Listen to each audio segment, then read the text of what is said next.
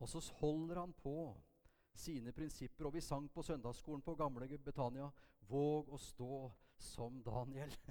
og det var eh, Det ble idealet og i, i, eh, på mange måter eh, en, en merkestein for oss. Daniel. Han holdt seg til Gud. Så blei han også Guds utvalgte røst til å målbære Guds vilje, til å være en åpenbaringstrøst både om samtida si, om framtida, om evigheten. Men på tross av alle disse store opplevelsene, alt det han gjorde, alt det han sa, alle de drømmene han tyda, og alt det han sto midt oppi, og ikke minst overlevde blant løvene, ja, så blei ikke Daniel en hoven mann. Han forblei en ydmyk person, et menneske. Han glemte aldri at han var en person, et menneske, alminnelig mann, og at det er tynne vegger mellom et liv i velsignelse og det å falle i synd. Der vi nå skal gå inn i Daniels bok, så har det gått mange år. Og håpet om at fangenskapet for Israels folk snart var slutt, det var eh, stigende og gryende. Nå nærma det seg et skifte. Men enda viktigere for Daniel så var det skrikende behovet han opplevde at folket hadde for å fornye sitt forhold til Gud. Og her er det det interessante. Her stiller Daniel seg som en av folket ikke heva over alle de andre. Hans lange profettjeneste til tross, han hever seg ikke over sine egne. Nei, han ber på sine knær for både folket og seg selv. Og nå går vi inn i Daniel 9, og så leser vi et resymé av det som er kalt Daniels bønn for folket. Da søkte jeg Daniel med faste og bønnerop med bønn om nåde. Vi har synda mot deg. Vi har gjort oss skyldige i synd og vært i opprør mot deg ved at vi ikke har fulgt de budene og forskriftene du har gitt oss. Min Gud, vend øret hit og hør. Åpne dine øyne og se hvor ødelagt vi er. Vi ber ikke om hjelp fordi vi fortjener det, men vi ber om nåde på grunn av din store barmhjertighet. Herre, hør. Herre, tilgi. Herre, hør og grip inn. Litt av en bønn. Hva er synd, egentlig? Vi hører jo Daniel ber om tilgivelse og sier at de er skyldige i synd. Hva tenker du på når du hører ordet synd? Er det Edens hage? Adam og Evas fall? Det å gjøre det som ikke var lov? Det å bryte Guds bud og ta bestemmelsesretten sjøl? Eller er det når du hører ordet synd, er det forbudstida i, i en trang oppvekst? Kanskje i en uh, menighet som du følte det var for trangt for deg? Er det det som er det du tenker på når du hører ordet synd? En slags forbudstid? Eller er det sånn at du sitter med samvittighetskvaler? Og følelsen av å aldri strekke til innenfor det idealet som du har foran deg i forhold til hva det er å være en kristen. Er det det som dominerer tankene når ordet synd nevnes? Jeg er ikke så sikker, men om vi hadde foretatt en spørreundersøkelse på gata om hva folk legger i begrepet synd, jeg er jammen ikke sikker på om så mange hadde greid å definere det. Hva er synd? Forfatteren eh, og presten Stian Aarebrot skriver, jeg siterer Når syndebegrepsapparatet kasseres, står vi i umiddelbar fare for ikke lenger å ha et språk for den mørke siden av det å være menneske. For selvsagt er den der, lysten til det onde. Og den er aller farligst, sier Stian Aarebrot, når den forlyster seg ubemerket. En annen som heter Bjørn Sterk, som er humanist, vokst opp i et kristent hjem, men har vendt ryggen, har skrevet en bok om kristen tro. Fantastisk. Men han skriver likevel noe som bør få oss til å tenke. Han skriver at få ord har mista så mye makt på så kort tid som synd, skyld, anger, bot, tilgivelse, frelse og nåde. Få ord har mista så mye makt på så kort tid, sier humanisten Bjørn Sterk. Og så sier han noe mer, og det skal du merke deg. Men selv om ordene er borte, har vi som kultur beholdt det ordene beskriver. Akkurat som at det er et fjell i et land hvor man har glemt ordet for fjell. Man ser det, og det er rett foran. Men vi greier ikke å sette ord på det lenger. Akkurat som å være i et land hvor det er et fjell, hvor man har glemt ordet for fjell. Stian Aarebrot fortsetter. Med metoo-kampanjen så begynte folk å snakke som fosser om dette fjellet, som ruva i horisonten, men som ingen helt klart greide å sette ord på. Fordi ordet fjell eller synd det hørtes så gammeldags ut og så kristelig ut. Da brukte man isteden ord som upassende oppførsel, asymmetriske relasjoner osv. Ingenting galt i beskrivelsene, men alt dette, sier Stian Aarebrot, er mer som symptomer å regne. Vi må gå dypere til synden i oss. Noe av grunnen til at vi ikke lenger angrer, fortsetter Aarebrot, iallfall ikke i offentlighet, tror jeg har noe å gjøre med at det ikke lenger er like åpenbart hva en skal gjøre med angeren. Vi har på en måte ingen adresse for synd som blir gjort. Det henger bare der. Det er ingen sted å legge det, ingen sted å gå, ingen sted å gå det til å legge det. For hva skulle anger føre med seg, spør Aarebrot. Det ville jo bare bli en bitterhet over kanskje at ting som er gjort, ikke kan gjøres ugjort igjen. Et tapt ansikt. Ingen ansvar for det som er gjort, så lenge syndedimensjonen er borte. Og denne humanisten Bjørn Sterk, vi skal snart forlate han, men han sier en ting til. Kristne, sier han, hadde både synd og frelse. Vi postkristne Altså vi som lever etter den kristne generasjon, og da tar han seg sjøl inn i dette bildet. Vi har synd uten frelse. Vi har synd uten tilgivelse. Vi har synd uten nåde, og det må det bli trøbbel av, sier Bjørn Sterk. For begrepet synd har aldri stått alene i kirkehistorien. Begrepet peker først og fremst mot endestasjonen. Nåden, tilgivelsen, og boten, renselse, via erkjennelse. Så langt årebrot og sterk. Men det henger igjen i meg et fjell i et land hvor man har glemt ordet for fjell. Er det der vi er? At ikke synden lenger har noe navn? At den er udefinerbar og forsvinner inn i vår grå hverdag?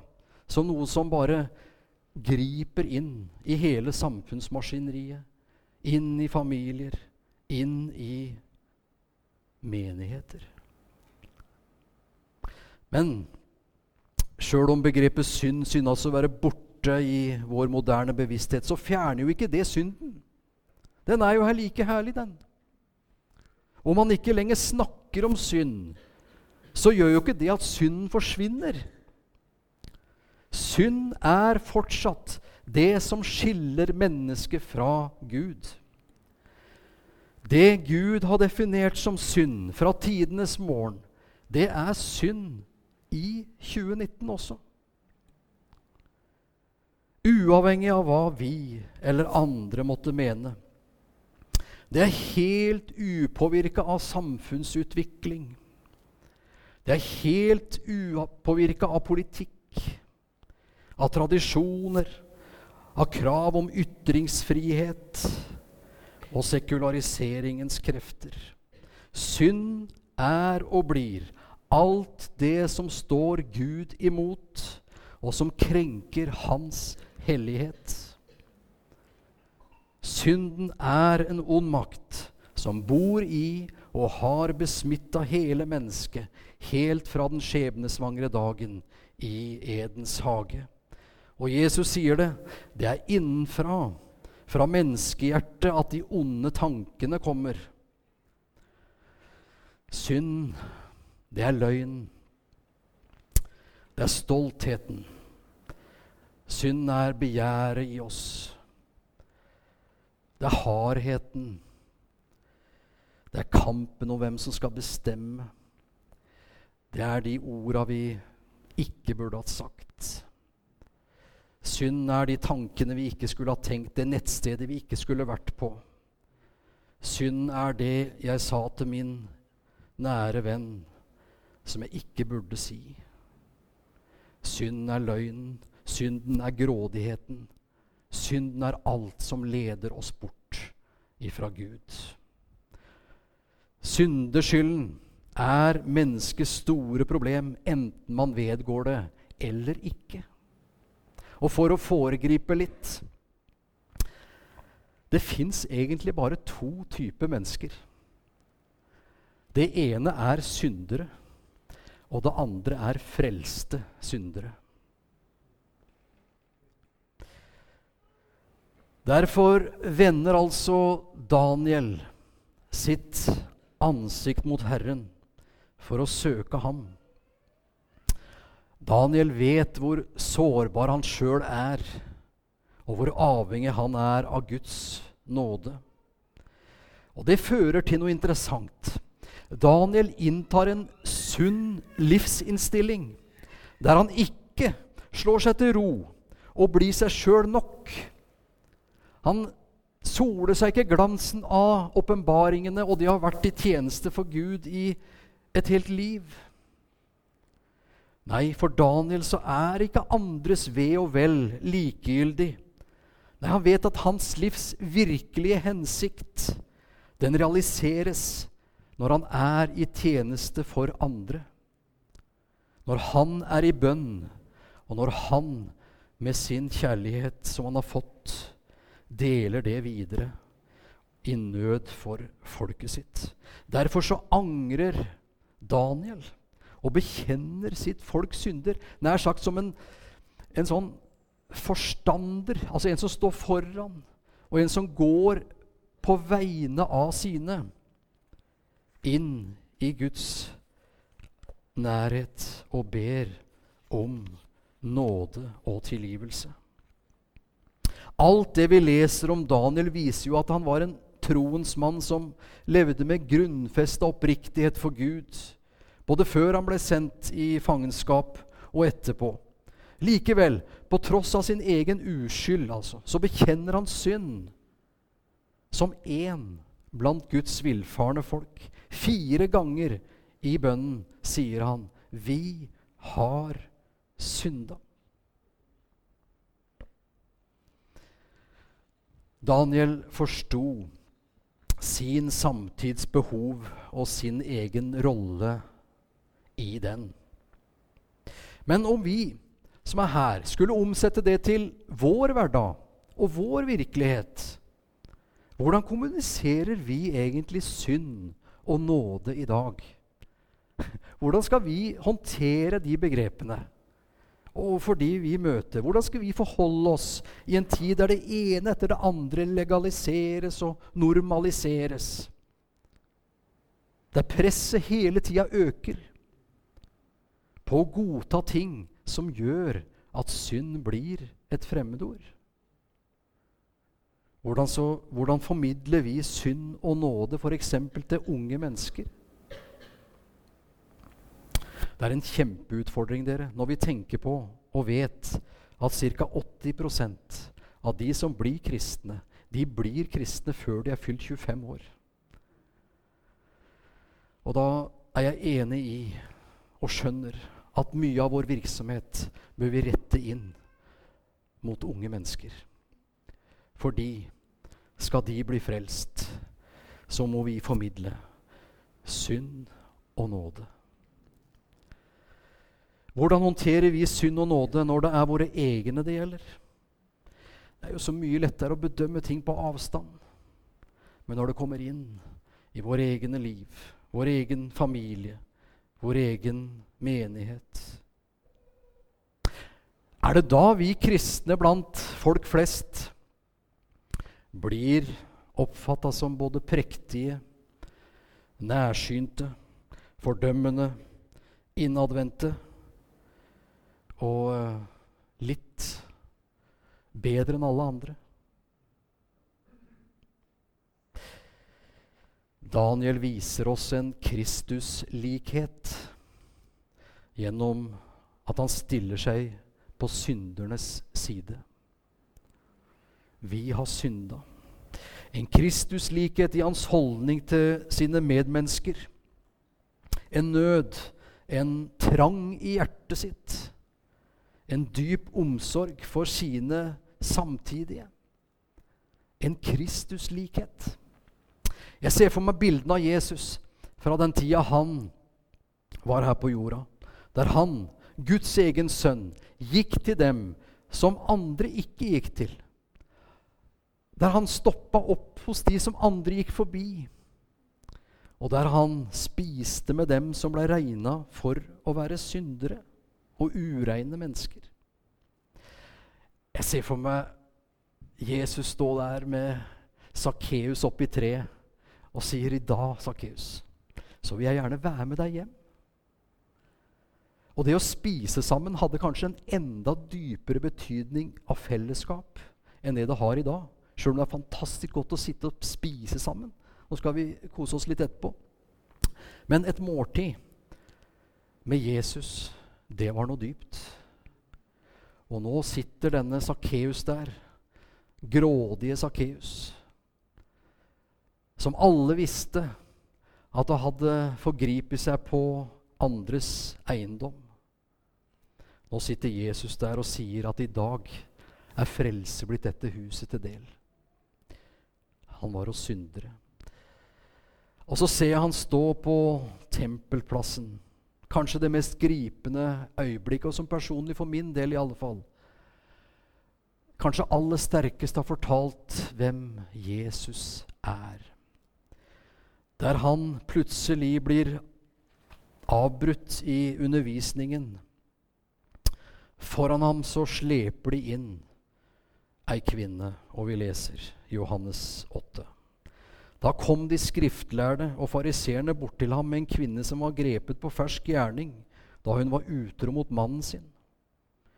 De satte henne foran folket, og så spurte de Jesus, 'Mester, denne kvinnen ble avslørt, da hun hadde sex med en annen mann.' Ifølge Moseloven skal slike som henne få dødsstraff ved steining. Hva sier du til det? Dette sa de bare for å teste ham, så de kunne få noe å anklage ham for. Men Jesus bøyde seg ned og skreiv i sanda med fingeren, som han ikke hørte hva de sa. Men de ga seg ikke og fortsatte å spørre. Til slutt reiste han seg opp, så på dem og sa, Den av dere som aldri har gjort en synd, kan kaste den første steinen på henne. Så satte han seg ned igjen og fortsatte å skrive i sanden. De som hørte det Jesus hadde sagt, begynte å ransake seg selv, og de kjente at samvittigheten gnagde for de var ikke syndfrie. Derfor gikk de bort, én etter én. De eldste gikk først, og de andre fulgte etter. Til slutt sto bare kvinnen igjen alene foran Jesus. Og jeg skulle gjerne vært der. Jesus reiste seg og sa til henne, 'Hvor ble det av dem som ville ta deg?' 'Ville ingen av dem dømme deg?' Hun sa, 'Ikke én, Herre.' Jesus sa til henne, 'Jeg vil heller ikke dømme deg. Gå bort, men ikke synd mer.'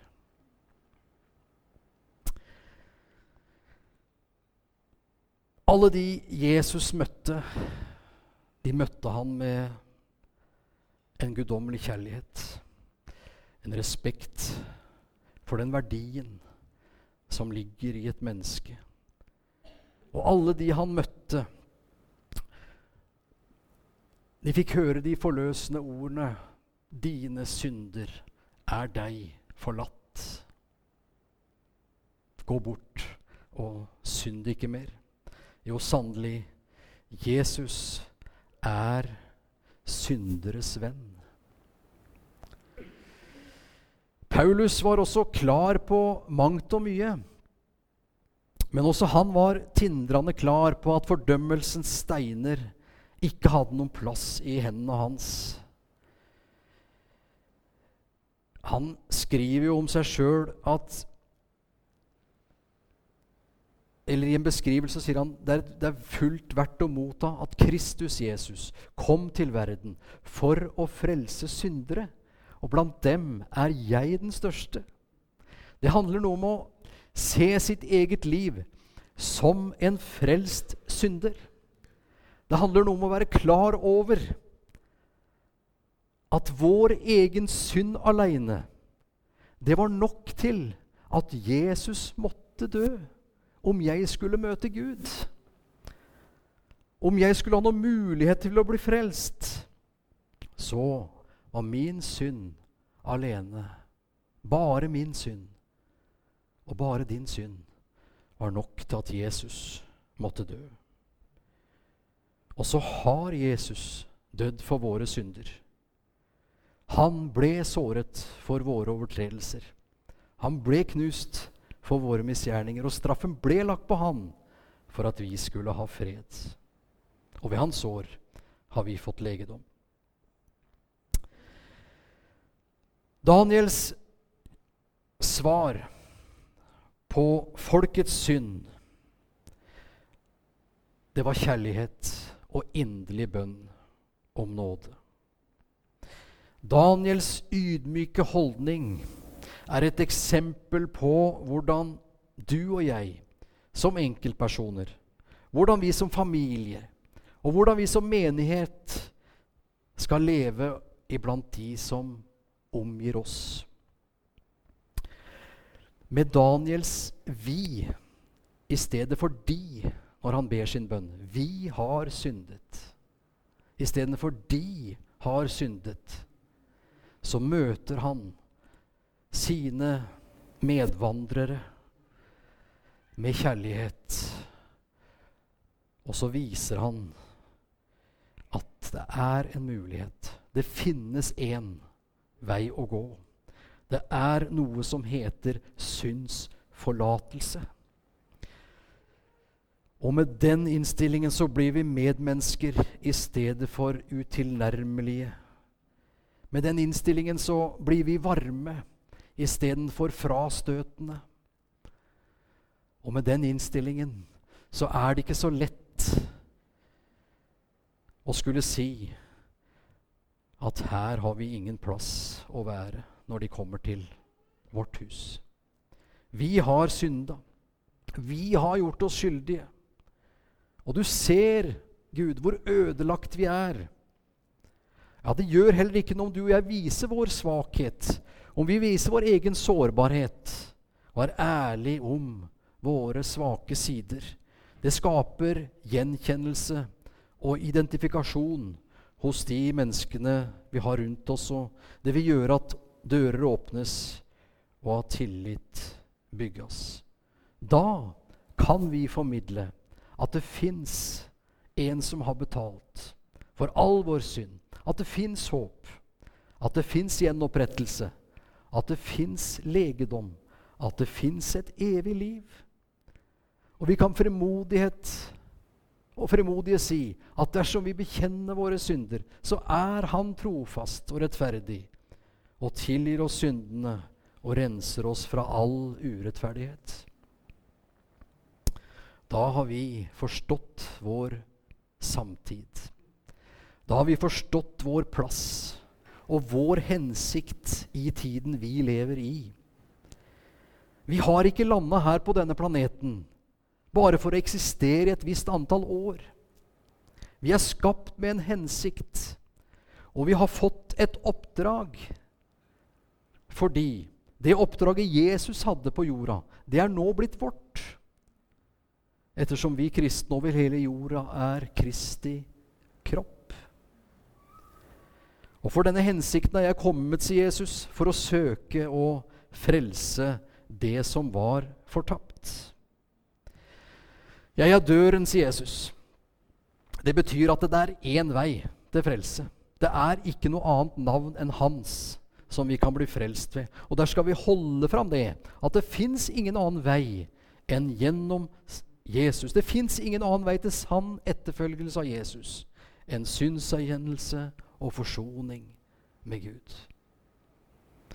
Derfor så er fortsatt porten trang og veien smal. For gjennom den porten, der må vi gå aleine. Der fins det ikke et team vi kan gå i sammen med. Nei, det er du og Jesus. Det er din synd det gjelder. Det er din synd som må sones. Og det er du som må oppleve at Jesus sier til deg, 'Dine synder er deg forlatt'. Gå bort og synd ikke mer. Det er den eneste veien til et frelst liv. Tenk om opplevelsen for alle var at Betania var et nådens hus. Skulle det ikke være det?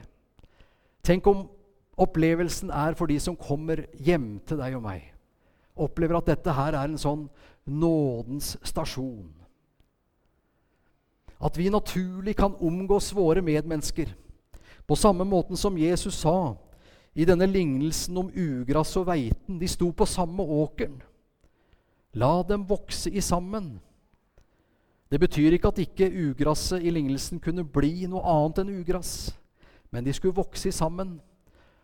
Og På samme måten så lever vi våre liv i vår arbeidsdag, i vår familie, iblant mennesker som synder, iblant mennesker som lever i synd. Og noen ganger så synder vi også, fordi at vi er mennesker. Gud, se hvor ødelagt vi er, sa Daniel. Men du Jeg har tatt det med på engelsk, i tilfelle det er noen som ikke kan norsk. Og så er det det beste koret jeg nesten noen gang er borti. Grace, nåde, vil alltid være større enn vår synd. Golgata har bevist det om igjen og om igjen. Hvor enn, hva enn du har gjort, hvor enn du har vært, Guds nåde vil alltid være større enn synden. Og for å være 100 sikker på at alle har fått det med seg, Fernando, på spansk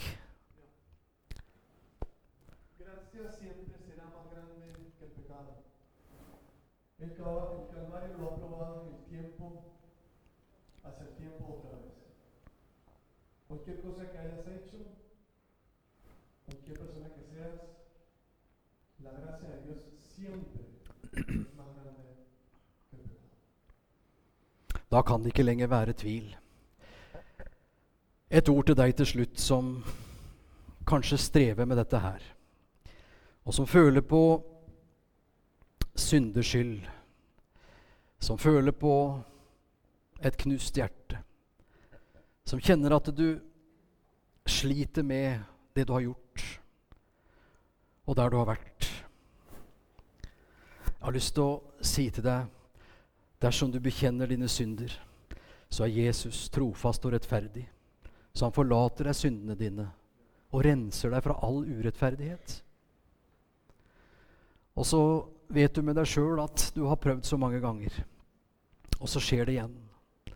Fortsatt er adressen Jesu Kristi åpne armer. Han tar imot deg. Det er jo ikke sånn at du med bevisst vilje og viten ønsker å synde. Men Jesus han vil hjelpe deg. Han vil gi deg styrke til å stå imot fristelsen. Og gi deg krefter så at du kan bære den. Og om det skulle skje igjen, om noen synder, så har vi en talsmann, Jesus Kristus. Han tar imot deg på nytt og på nytt. Det fins ingen synd som kan overstige Guds nåde og Guds kjærlighet. Jeg vet det er vanskelig å være ung, men du skal vite at det er vanskelig å være gammel også. Fordi at syndens krefter, de kommer på ulikt vis og prøver oss og gjør at vi opplever det noen ganger, at alt på en måte raser sammen. Men det er ikke sånn at vi bygger ansiennitet i Guds rike. Enten så er vi syndere, eller så er vi frelste syndere. Guds nåde vil alltid være større enn vår synd. Vi ber. Jesus, vi takker deg for at du tar imot syndere. Takk at du døde for oss. Takk for dine ord om tilgivelse og nåde. Hjelp oss, Jesus, som Daniel, å bære våre samtidige framfor deg. Hjelp oss å ta imot alle mennesker med kjærlighet og omsorg, og lede de på veien til deg. Takk at du tilgir syndere.